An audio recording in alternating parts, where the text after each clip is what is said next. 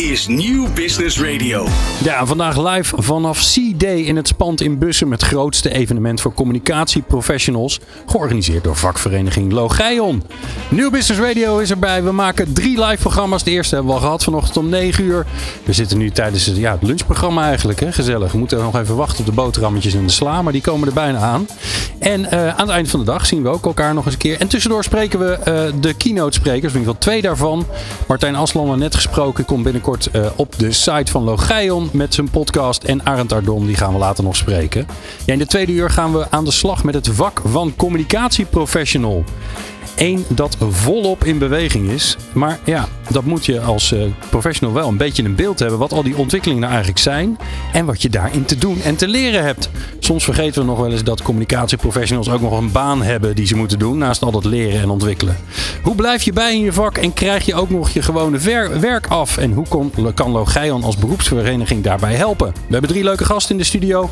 Jos Govaerts, hij is oprichter, managing director van Koper. Of Cooper, ligt een beetje aan. We gaan zo van hem horen of ik goed zit.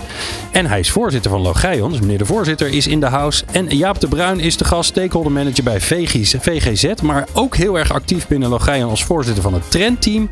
En Esther Durenkamp is er communicatieadviseur bij Ombudsman Rotterdam-Rijnmond. En is voorzitter van Jong Logeion. Kortom, um, ja, allerlei mensen met verschillende petten. Maar we gaan het natuurlijk vooral hebben over het vak van communicatieprofessional. Fijn dat je luistert naar Nieuw Business Radio. Dit is Nieuw Business Radio. Jos, Jaap en Esther, wat leuk dat jullie er zijn. Ja, we gaan eh, even beginnen bij. Uh, nou, laten we eens even beginnen bij het event. Hoe is het tot nu toe, Esther? Hoe voelt het? Ja, heel leuk. Ja? Ja, nee, ik vond het echt een hele mooie opening. Het is uh, natuurlijk vroeg, dus je moet wel even opstarten dan. Ja. Maar ja. wat, wat een start. Dat Ja. absoluut. Wat is nou al één inzicht waarvan je zegt van nou, dat neem ik al mee naar huis. Dat, daar ga ik mee aan de slag. Nou, dat uh, technologie ook je beste vriend kan zijn, zeker als communicatieadviseur. En niet alleen maar iets waarvan je denkt, oh, nee, hoe werkt het? Zeker ja, niet. Heel goed. Jos, jij bent de voorzitter hè? En dan loop je hier rond. Er zijn vijf, ongeveer 585 mensen lopen er hier rond. Ja, hoe voelt dat? Ja, dat voelt goed. Uh, zeker als je weet dat uh, gisteren nog 80 mensen zich uh, aangemeld hebben. Oh, wauw. Ja, die zagen denk ik toch dat het slecht weer werd. En die dachten van, uh, ja. ik had het met potlood in mijn agenda gezet. Ga ik links of rechts af? Ja, en, uh, ga ik al ergens op het water ja. zitten of uh, naar ja. het spand? Ja. Ga voor. Wat heb jij al meegenomen van vandaag? Nou, dat bazen, als ze mailen, uh, 18 minuten tijd verspillen bij degene die ze aan het mailen zijn. Iedereen die in de afzenderslijst staat. 18 nee, minuten. Nee, ik bedoel meer van als jij een collega mailt als baas dan uh, verstoor je de routine voor 18 minuten, omdat dat toch indruk maakt. Oké. Okay. Oh, je bent en, gewoon even 18 uh, minuten ben je even een beetje ja. minder scherp. Ja. Wauw. Kortom, minder mailen. Alleen als het echt nodig is. Zo is dat. Jaap? Ja. Wat heb je tot nu toe meegemaakt? Nou, het leuke van uh, dit soort dagen is altijd dat uh, het, het leukste gebeurt tussen de programma-onderdelen in. Namelijk, dan kom je allerlei vakgenoten ja, de, deze tegen. uitzending bedoel dit, je natuurlijk. Dit bijvoorbeeld, ja. maar ook uh, al het wandelgangen werk. Mensen die je al een tijdje niet gezien hebt, die je weer gewoon live tegenkomt. Even bijpraten, dat vind ik altijd heel mooi. Ja. He, want ondanks alle technologie, gewoon verbinding en contact met mensen echt. Dat is eigenlijk het aller, allermooist. En um, ik, nou, wat Jos zei over het verhaal van Martijn. Uh, de kern daarvan is, er kan ontzettend veel met techniek en we gebruiken daar maar een fractie van. En dat is echt superdom. Ja. Ja, en Jos, dit is de eerste keer uh, dat uh, de C-Day weer georganiseerd wordt na uh, de vervelende coronaperiode voor alles en iedereen. Ehm, ja, dat, merk je dat ook? Dat mensen toch een beetje een soort hunkering hebben van, oh wat leuk, we zijn weer bij elkaar. Ja, ik denk dat je dat sowieso wel merkt. Ehm, ja, mensen zijn in ons vakgebied hebben, hebben natuurlijk heel erg veel digitaal uh, geleefd. Maar hebben eigenlijk oude gewoontes gepro geprobeerd te proppen in, in, in, digitale middelen. En daar wordt per definitie minder van. En uh, ja, het is net wat Jaap uh, net zegt, elkaar hier tegenkomen. En uh, onverwacht iemand die je tien jaar niet gezien hebt, waarvan je afvraagt, waar kennen wij elkaar ook weer van? En dat is niet bedoeld als slechte openingszin, maar dat was echt zo in dit geval. Ja, ja. En we wisten ook te vinden waar het al was. Dat is weer maar, een leuke zoektocht dan, toch? Ja, ja. Nee, de, die, die energie die voel je wel. Dat is wel lekker, ja. ja. Laten we het over de, de trends gaan hebben. Want uh, daar houden jullie je bij Logeion natuurlijk ook mee bezig. Um, sterker nog, ja, jij bent voorzitter van het trendteam. Ja, dat klopt. Nou, um, laat maar eens beginnen bij de eerste en de belangrijkste. Ja, de, de, we hebben vorig jaar vier uh, trends uh, gepubliceerd. We doen dat eens in de twee jaar. En dan kijken we wat gebeurt er in de wereld. En we vertalen dat naar het communicatievak. En daar halen we dan de belangrijkste trends voor ons vak uit. En ik denk wel dat de belangrijkste trend vind ik zelf... die trend hebben we genoemd de gids in een grenzeloos speelveld. Um, de wereld verandert continu. De wereld is in beweging. Je krijgt allerlei informatie op je af. Er zijn heel veel spelers. Vroeger, vroeger, 20 jaar geleden of zo, kon je nog denken. Ik ben het centrum van de wereld als organisatie of als communicatieprofessional. Ik maak een communicatieplan. Ik ga dat netjes uitrollen. Ja. Uh, en dan heb ik gecommuniceerd. En iedereen weet waar ik voor sta. En dat is echt niet meer van deze tijd. Letterlijk en figuurlijk.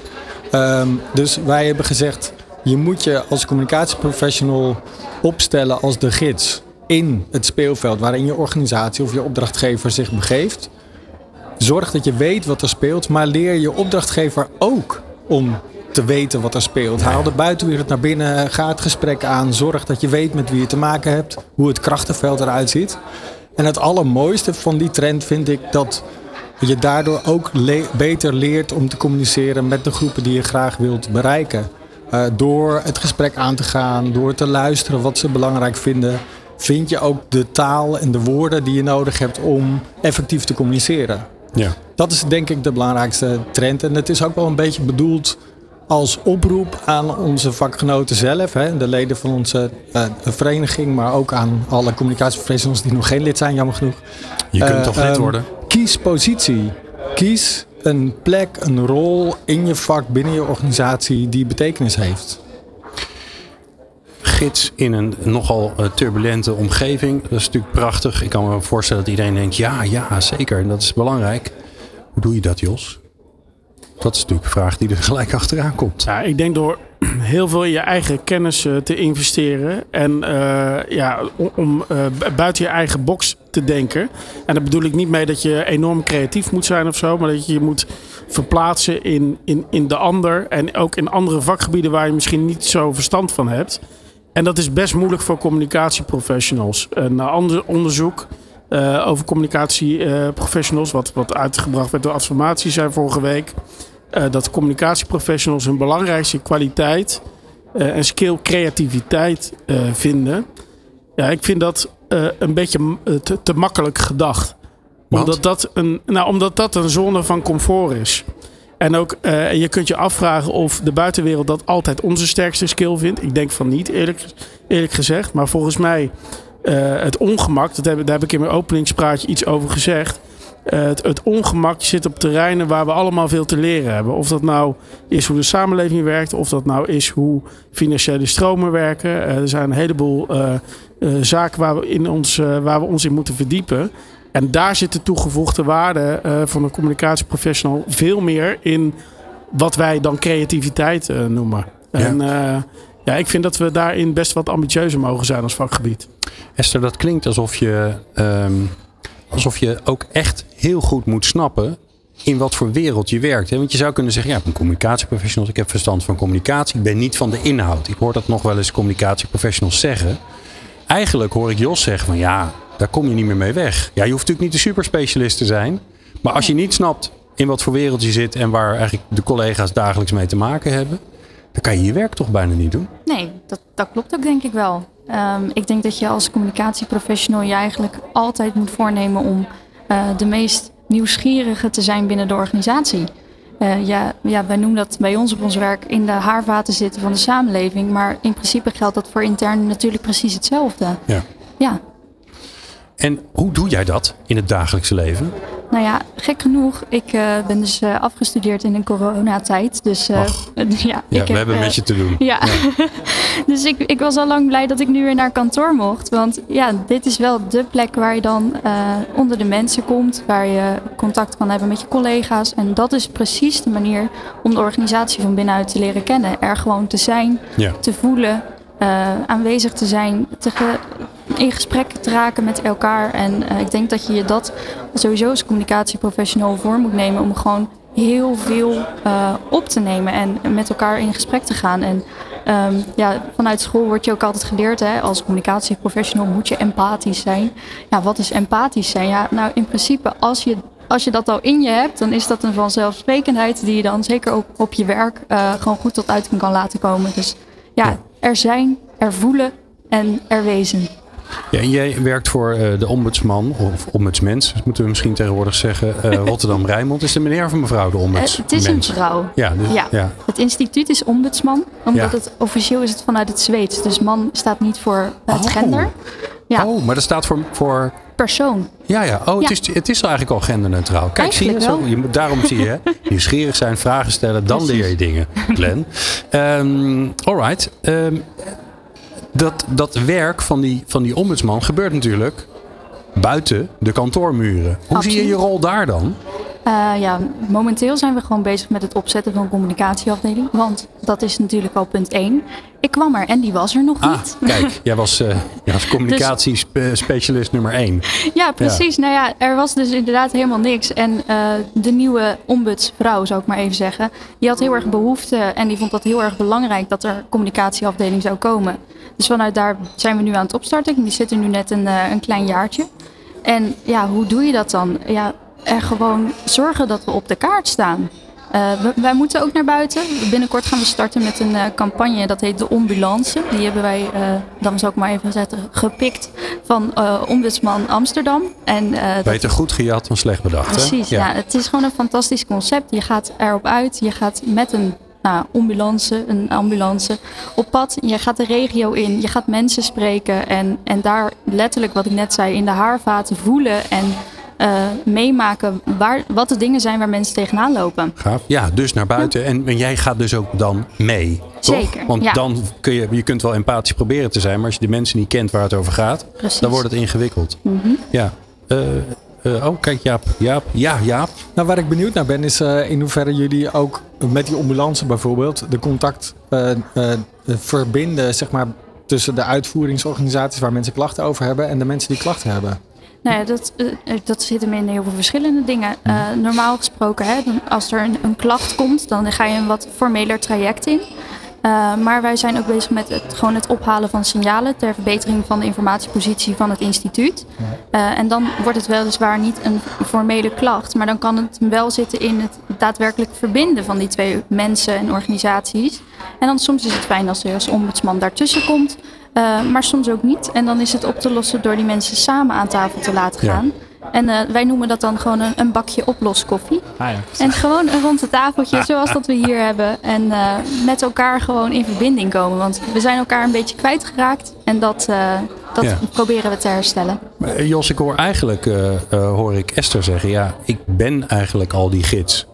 Ik, hè, want als je naar mensen toe gaat, je neemt ze mee, dan ben je gewoon het gids al.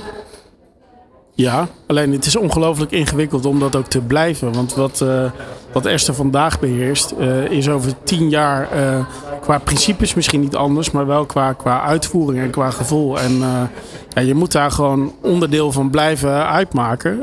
Dus weet je, het, communicatievak is niet alleen strategie, maar is ook heel erg het. ja, hoe zou ik dat noemen? Het ambacht. De, de, de craft zou, zou een bierbrouwer zeggen. En eh, ja, Maar help me eens even, wat is dat, wat is dat ambachtelijke gedeelte dan? ja, ik noem het gewoon klootviolen. Eh, eh, dingen proberen, doen, Ja, ja. maken. Het is niet alleen maar mooie rapporten maken en dingen schrijven en eh vergezichten presenteren, maar ook gewoon. Dingen maken, die, dat, daar heb je toch bureaus voor en ZZP'ers en je huurt de fotografen in en je huurt Ja, de dat- videografen in en je huurt de tekstschrijver en je toch allemaal Het is in? toch ook allemaal communicatie? Ja, maar die huur je toch in, dat hoef je zelf toch niet te doen? Nou, Jij bent van de grote lijnen als communicatieprofessional. Nou, ik vind van niet. Dan ben ik het met je eens. Eh, ja, Jaap? Nou, ik ben het aan de ene kant eens eh, met Jos. Je moet het gewoon doen. En tegelijkertijd is dat ook onze grote valkuil. Heel veel communicatiemensen nemen nauwelijks de tijd om te reflecteren en zich af te vragen: moet ik dit nou eigenlijk wel doen? Of eh, eh, moeten mensen zelf gewoon ietsje beter nadenken over wat ze willen communiceren met wie? En eh, dan is die website of die folder of die whatever nooit meer nodig. Eh, dus ik vind dat, dat is de kern eigenlijk ook van de trend zoals we hem geformuleerd hebben. Ja, sta open voor de vragen die je krijgt van je opdrachtgevers, maar blijf wel nadenken over wat de beste oplossing is. En dat is lang niet altijd produceren en creëren. Dat is soms vooral de dialoog aangaan, echt zelf communiceren en leren je organisatie te communiceren. Mooi. Ja. Nou, dit was pas één van de trends. eh, en je voelt hem al aankomen. Ehm, straks de volgende. Van hippe start-up tot ijzersterke multinational. Iedereen praat mee. Dit is New Business Radio. Jos Govaerts eh, van eh, Koper of Cooper. Jos, ik wil het nou even goed zeggen. Het is Cooper. Cooper, ja dat, Ja. dat klinkt ook lekker gelijk. Hè? Jaap de Bruin van VGZ en Esther Durenkamp, eh, die werkt bij de ombudsman, waarvan we net geleerd hebben dat dat een Zweedse term is. Dus dat is onzijdig. Te Rotterdam-Rijnmond. Ehm, Jaap, we hebben net eh, eh, de gidsfunctie gehad van de communicatieprofessional, wat een Ja. trend is. Wat is de volgende die, eh, waarvan jij zegt van nou, daar moeten we het over hebben? Nou, de volgende trend die we vorig jaar geformuleerd hebben, die heet moreel kompas als leidraad. En dat raakt aan ehm, het feit wat je ziet in de, in de samenleving, is dat heel veel mensen niet meer met elkaar in verbinding staan. Er is heel veel polarisatie, fragmentatie ook. Mensen die richten zich vooral op hun eigen bubbel.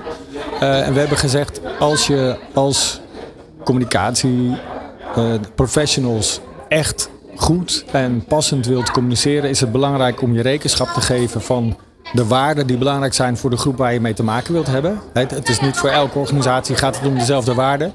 Eh, en te zorgen dat er een goede match is tussen de waarden van de groep die je belangrijk vindt, die voor jou belangrijk zijn, je eigen waarden als organisatie, en of daar eh, geen, hoe moet je dat zeggen, geen verschil tussen is. Want het gaat meteen mis als je zegt, hè, als je bijvoorbeeld zegt we vinden duurzaamheid belangrijk.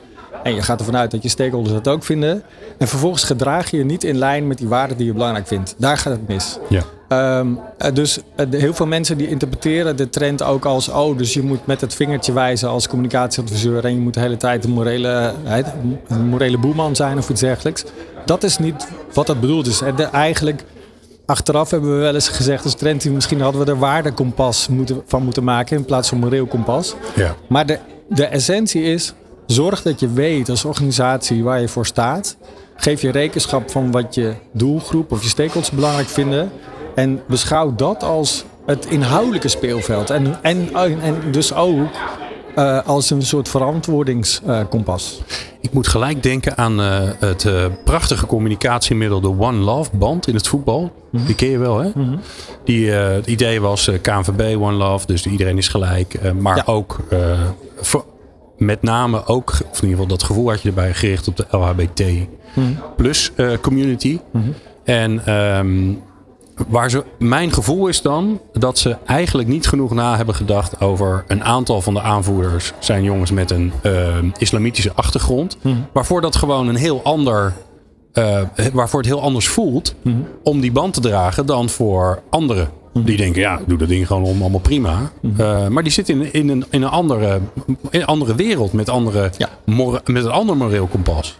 Is dat dan een voorbeeld waarvan je denkt, nou, hadden ze wel even iets meer aandacht aan mogen besteden? Hadden ze in ieder geval langer over na moeten denken. Ja. En voordat je dat dan. Je, kan, het kan ook een weloverwogen keuze zijn om dat gesprek te willen voeren. Maar dan Ja. moet je het ook tot het eind afmaken. Ja. En dan moet je dus niet halverwege zeggen: ah, ik vind niet ergens als die aanvoerder om persoonlijke redenen zegt: ik draag hem niet. Nee, dan moet je echt, dan moet je echt zorgen dat je hele organisatie erachter staat. Anders Ja. moet je het niet doen. Ja. Jos? Ja, ik denk het perspectief wat je daar ook nog hebt is... eh, je hebt de KNVB die dit eh, mede geïnitieerd heeft. En je hebt natuurlijk ook de clubs. Kijk, de clubs hebben natuurlijk ook een keuze in wie maakt je aanvoerder. Dat is ook een keuze. En eh, kijk, het, probleem is een beetje dat ehm, die band werd geïntroduceerd. Er zijn heel veel banden geïntroduceerd. Lance Armstrong begon daar ooit eh, ooit eens mee. En daar ben ik het helemaal eens met wat Jaap zegt. Kijk, uiteindelijk, hoe het ook went of keert, heeft deze hele campagne, doordat er twee aanvoerders waren die niet meededen, veel meer eh, stof tot, eh, tot discussie opgeleverd. dan wanneer iedereen gewoon netjes in de pas had gelopen. Alleen. eh, wat mij dan wel teleurstelt, is dat ze hun ru- eh, rug niet eh, recht houden. En dan eigenlijk gewoon een stap terug doen. Kijk, je kunt natuurlijk wel zeggen van de wijze waarop we dit uitvoeren is. ehm, ja, daar, eh, weet je, daar moeten we iets mee doen. Want we hebben kennelijk niet alle gevoelens geadresseerd. En we zijn kennelijk niet empathisch geweest naar mensen met een eh, islamitische achtergrond. Dat, dat zou ik kunnen stellen. En eh, dan gaan we nu nadenken hoe, we- hoe we dat beter kunnen doen. Maar het verhaal was nu, we doen een stap terug en we doen, we doen maar niks meer. Ja, met je en, eh, schouder ophalen. We, we, Oh. we het af. Ja, en, Ja. En, en dan gebruik je de discussie niet. Terwijl ze zichzelf natuurlijk eigenlijk in een hele po- mooie positie hadden gemanoeuvreerd. Omdat er toevallig twee niet meededen. Ja, ik had dat persoonlijk als cadeautje gezien. Want da- dan heb je grond om echt wat te doen. Ja, en dat hebben ze nagelaten. Ja. En dat, dat is zonde. Esther, hoe is, hoe is deze voor jou? Rotterdam is nogal een, eh, een multiculturele stad met eh, nou ja, hè, eh, grotere verschillen in Nederland vind je volgens mij niet tussen mensen. Van de, van de ingeïmporteerde havenarbeider die hier vooral komt te werken tot de mensen in Hillegersberg die met hun BMW elke dag lekker naar Hillegersberg rijden. Ja. Hoe, hoe, gaan jullie daar, hoe gaan jullie, ga jij daarmee om? Dat wil het gewoon over jou hebben, is veel leuker. Eh, dat, morele kompas snappen, hoe die verschillende werelden zijn, de boodschappen op elkaar afstemmen, goed in dialoog zijn. Ja, nou ik moet zeggen, ik vind dat zelf dus nog wel een hele grote uitdaging. Ehm, sowieso omdat er ook gewoon heel veel dingen zijn in bepaalde eh, groepen waar ook niet zo makkelijk over wordt gesproken. En wij zitten nu eenmaal in een branche eh, waar dat soort pijnpuntjes iedere dag aan het licht komen. En eh, dat zijn de, mensen, eh, de, de, de onderwerpen waar mensen niet graag over praten. En toch moet je die bespreekbaar zien te maken. En eh, mensen zullen daar ook niet actief zelf op afstappen. Dus je moet het ook een soort van op een hele aantrekkelijke manier toch uit ze lokken. Want je wilt ze verder helpen. En dat is wel iets wat, wat lastig is als je niet een, een deel bent of deel uitmaakt van hun community. Ja. Dus op die manier zorgen we wel voor de beste netwerkpartners. En gaan we daar in ieder geval mee in zee. Dat we wel tot die communities kunnen komen. En daar inderdaad onze informatie uit ophalen. Maar sommige dingen blijven gewoon heel lastig. Jos, ehm, welke rol kan Logion hierin spelen? Want ik kan me voorstellen dat er nou, dat gevoel waar Esther mee zit, van nou, dat is, het is inderdaad ingewikkeld. Ehm, dat heel veel mensen denken, ja, ik heb daar eigenlijk wel wat hulp bij nodig. Nou, ik denk heel strak bewaken wat je eh, rol is als communicatieprofessional en ook wat de rol is als uh. Dus dat je niet gaat zeggen wat de mening moet zijn, maar dat je wel leert in hoe uh, structureer je zo'n gesprek nou en hoe maak je nou uh, beleid. Als je even, Jaap zei het net wel goed, het gaat natuurlijk om het verschil tussen jou, jouw publiek, of met een lelijk, lelijk woord stakeholders, wat zij aan waarde hebben en wat je zelf hebt. En het ingewikkelde van, deze, van dit soort onderwerpen is dat je de afgelopen tien jaar de opkomst van een aantal hele grote onderwerpen hebt gekregen die daarvoor uh, voorbehouden waren aan een heel select clubje mensen die zich daar druk om, uh, om maakten. Uh, met, met Extinction Rebellion bijvoorbeeld als meest actuele voorbeeld, meest grote voorbeeld ook. Ja. Dat, dat zijn natuurlijk allemaal geen nieuwe problemen. Die waren er al, alleen een heel, heel kleine clubje maakte zich daar boos om. En wat er dan gebeurt bij ik werk vanuit bureau natuurlijk voor heel veel opdrachtgevers, is dat er in een onwijs hoog tempo druk komt en een soort van, van paniekstand van wij moeten, wij moeten ook wat. En, en daarom is die trend denk ik ook geformuleerd zoals die geformuleerd uh, is. Je moet heel goed kijken naar wie ben jij nou en wat zijn jouw waarden en waarin heb je een bijdrage en waar niet. En wat je de afgelopen jaren te veel gezien hebt, denk ik, is onder druk van buiten dan maar wat gaan roepen dan maar wat uh, soms gaan doen. Wat misschien helemaal niet in, in, in lijn ligt met wat je, uh, wat je kan verwachten. En je ziet daar nu ook alweer een terugtrekkende beweging in. Ik, ik las net, uh, daarom zat ik net eventjes op mijn telefoon, een bericht over Unilever. Die waren natuurlijk in de tijd van Paul Polman, waren zij heel erg wat we dan noemen purpose driven. Ja. Nu zeggen zij weer, we gaan het product weer voorop zetten. En kijk, ergens heb, is dat natuurlijk ook logisch, want je hebt natuurlijk een soort van evenwicht der dingen. Uh, zij moeten ook uh, mensen aan, aan, aan, voedsel en alle, allerlei andere producten helpen. Dat is een basistaak. Binnen die taak uh, moeten ze dat natuurlijk op een, op een, op een zo duurzaam mogelijke manier doen, enzovoort, enzovoort. Alleen je moet niet vergeten waar, waarvoor je in principe ter aarde bent. Ja. En als je nu kijkt naar communicatieprogramma's van met name bedrijven, ja, dan, dan zie je, uh, zet een reclameblok maar aan. Ja, dan zijn heel veel merken vergeten wie ze zijn. Ja. Uh, het is gewoon lost. Terwijl de oplossing heel vaak ergens in de geschiedenis ligt. Dan deed je al iets vanuit, uh, vanuit je heritage, zoals dat zo mooi heet. Van, vanuit de allereerste oprichter, die had een filosofie. En die kun je best eigen tijds maken. En ik denk als je, als je dat doet en gewoon kiest en, en besluit om niet alles te doen, want dat gaat gewoon niet. Ja, dan, dan kun je weer komen bovendrijven en dan word je ook geloof, uh, weer geloofwaardig.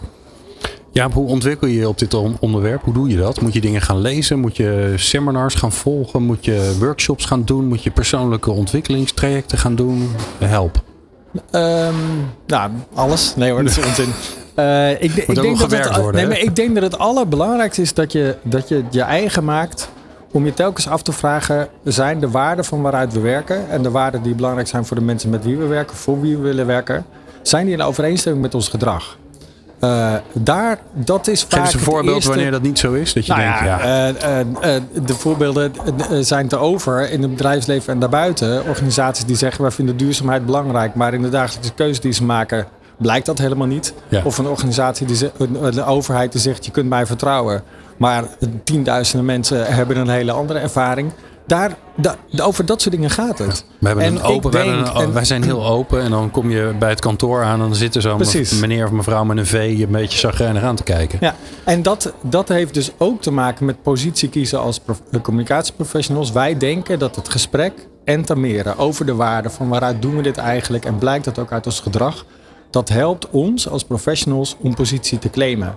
In het gesprek over waar gaat onze organisatie naartoe, eh, doen we wat we beloven en geloven we daarop. Ja, ja je, krijgt daar, je gaat daardoor ook over de, over de dingen hebben die er echt toe doen. Ja. Eh, met het gevaar eh, dat als je dat niet doet, dat je inderdaad een uitvoerende club wordt die leuke, leuke posters aan het maken is.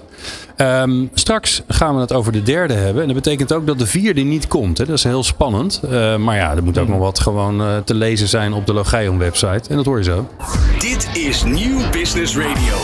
Jos Schovaerts van Cooper, eh, Jaap de Bruin van VGZ en Esther Durenkamp van eh, de Ombudsman Rotterdam Rijnbond zijn in de studio om te praten over de trends in het communicatievak die eh, opgehaald, ontwikkeld, eh, gezien, gecheckt zijn door eh Logeion zelf. En eh, sterker nog, in de, in de vorm van de voorzitter van het trendteam eh, Jaap de Bruin. Jaap, we hebben twee trends gehad. Het zijn er vier. Ja, klopt. We kunnen er nog één doen. Ja, Ja. dat is toch altijd vragen alsof je, hè, wie is je liefste kind? Nou, maar het is toch niet zo moeilijk kiezen. Want ehm, eh, je hebt Martijn Aslander al gesproken Ja. over technologie.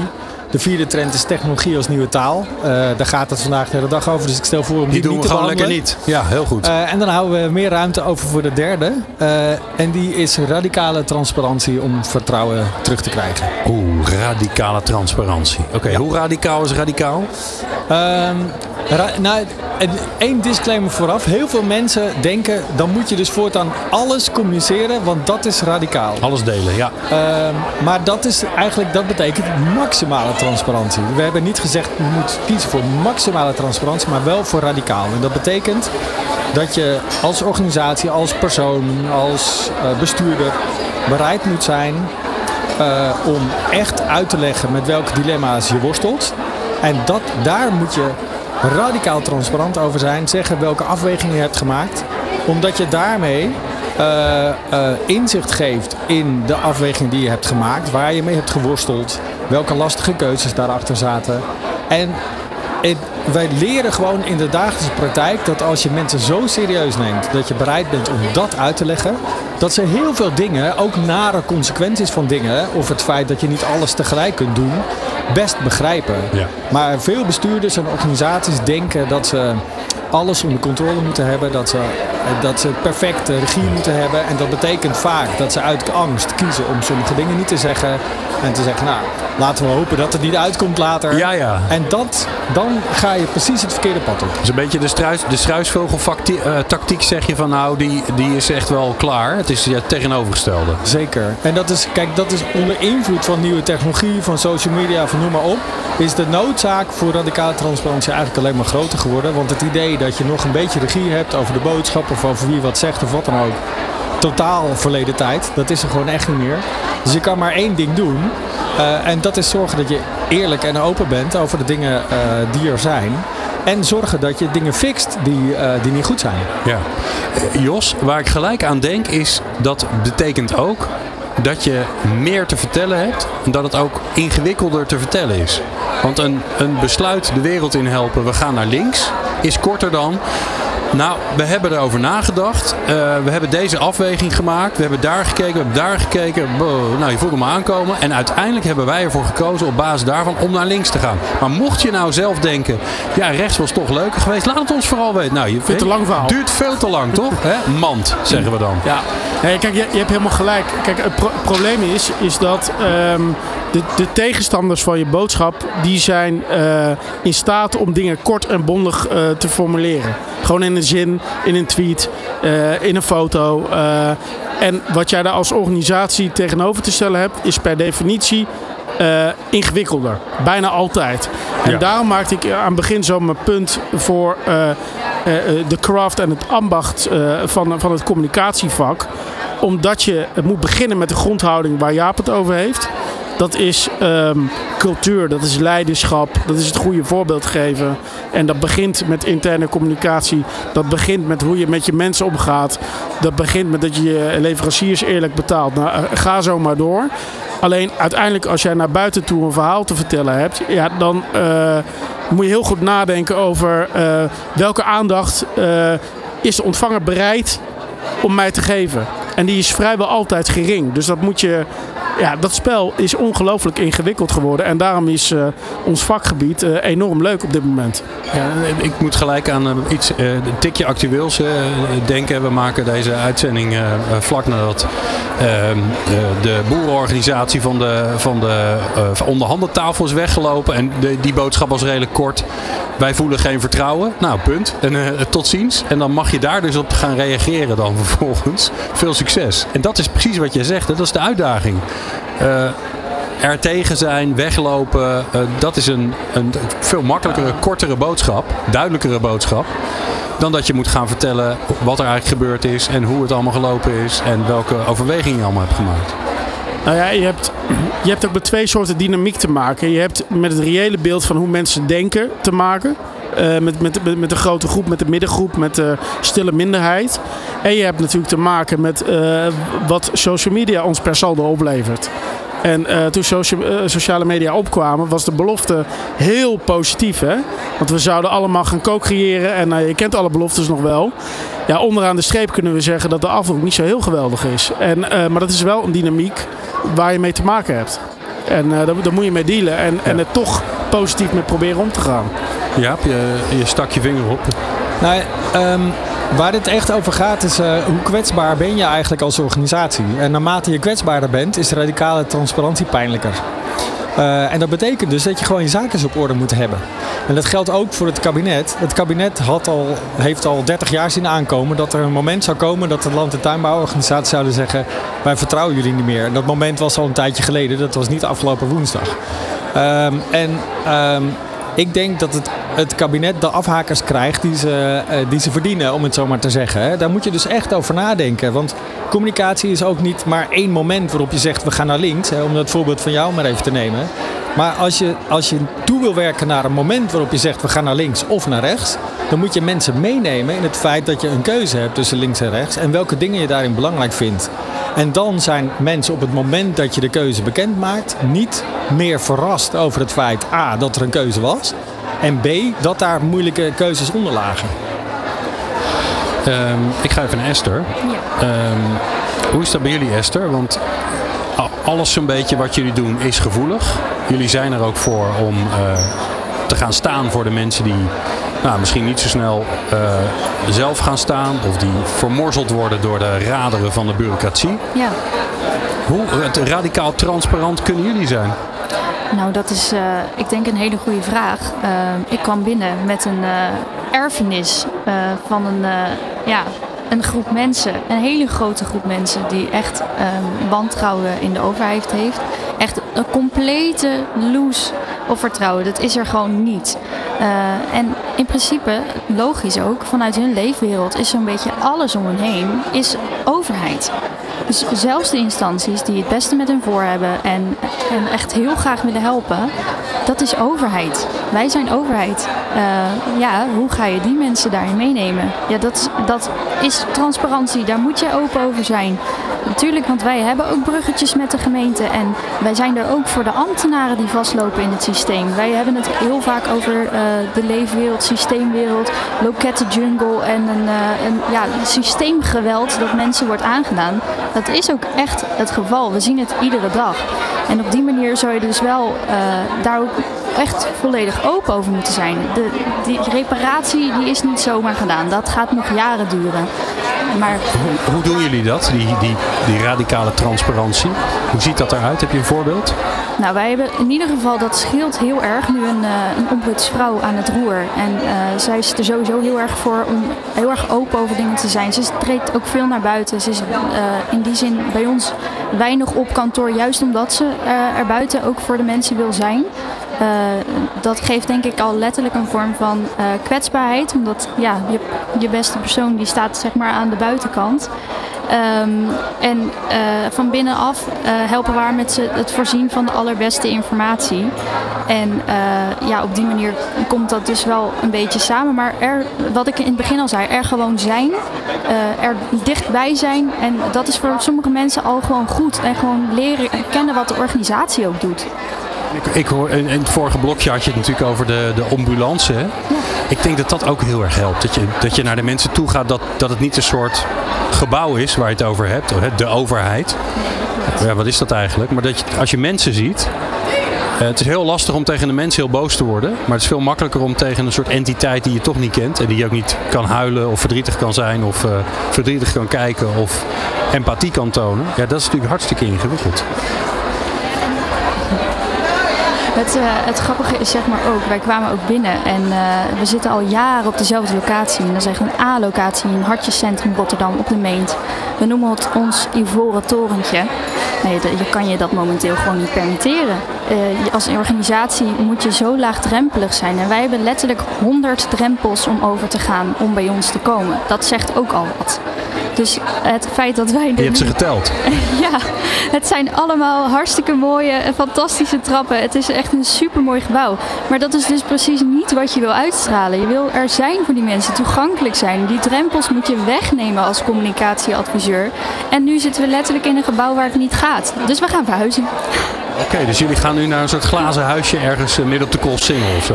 Nou ja, het is wel de bedoeling dat we in ieder geval naar iets gaan wat uh, laagdrempeliger is. En of dat inderdaad een soort plintlocatie wordt waar je letterlijk met je rolstoel naar binnen kan, dat, dat weten we nog niet. Maar we kwamen daar binnen en we constateerden dit probleem en we zeiden hier moeten we vanaf. Dus op welke manier we het gaan uitwerken, dat weet ik nog niet, maar er komt iets anders. Ik zou in de openbare bibliotheek gaan zitten.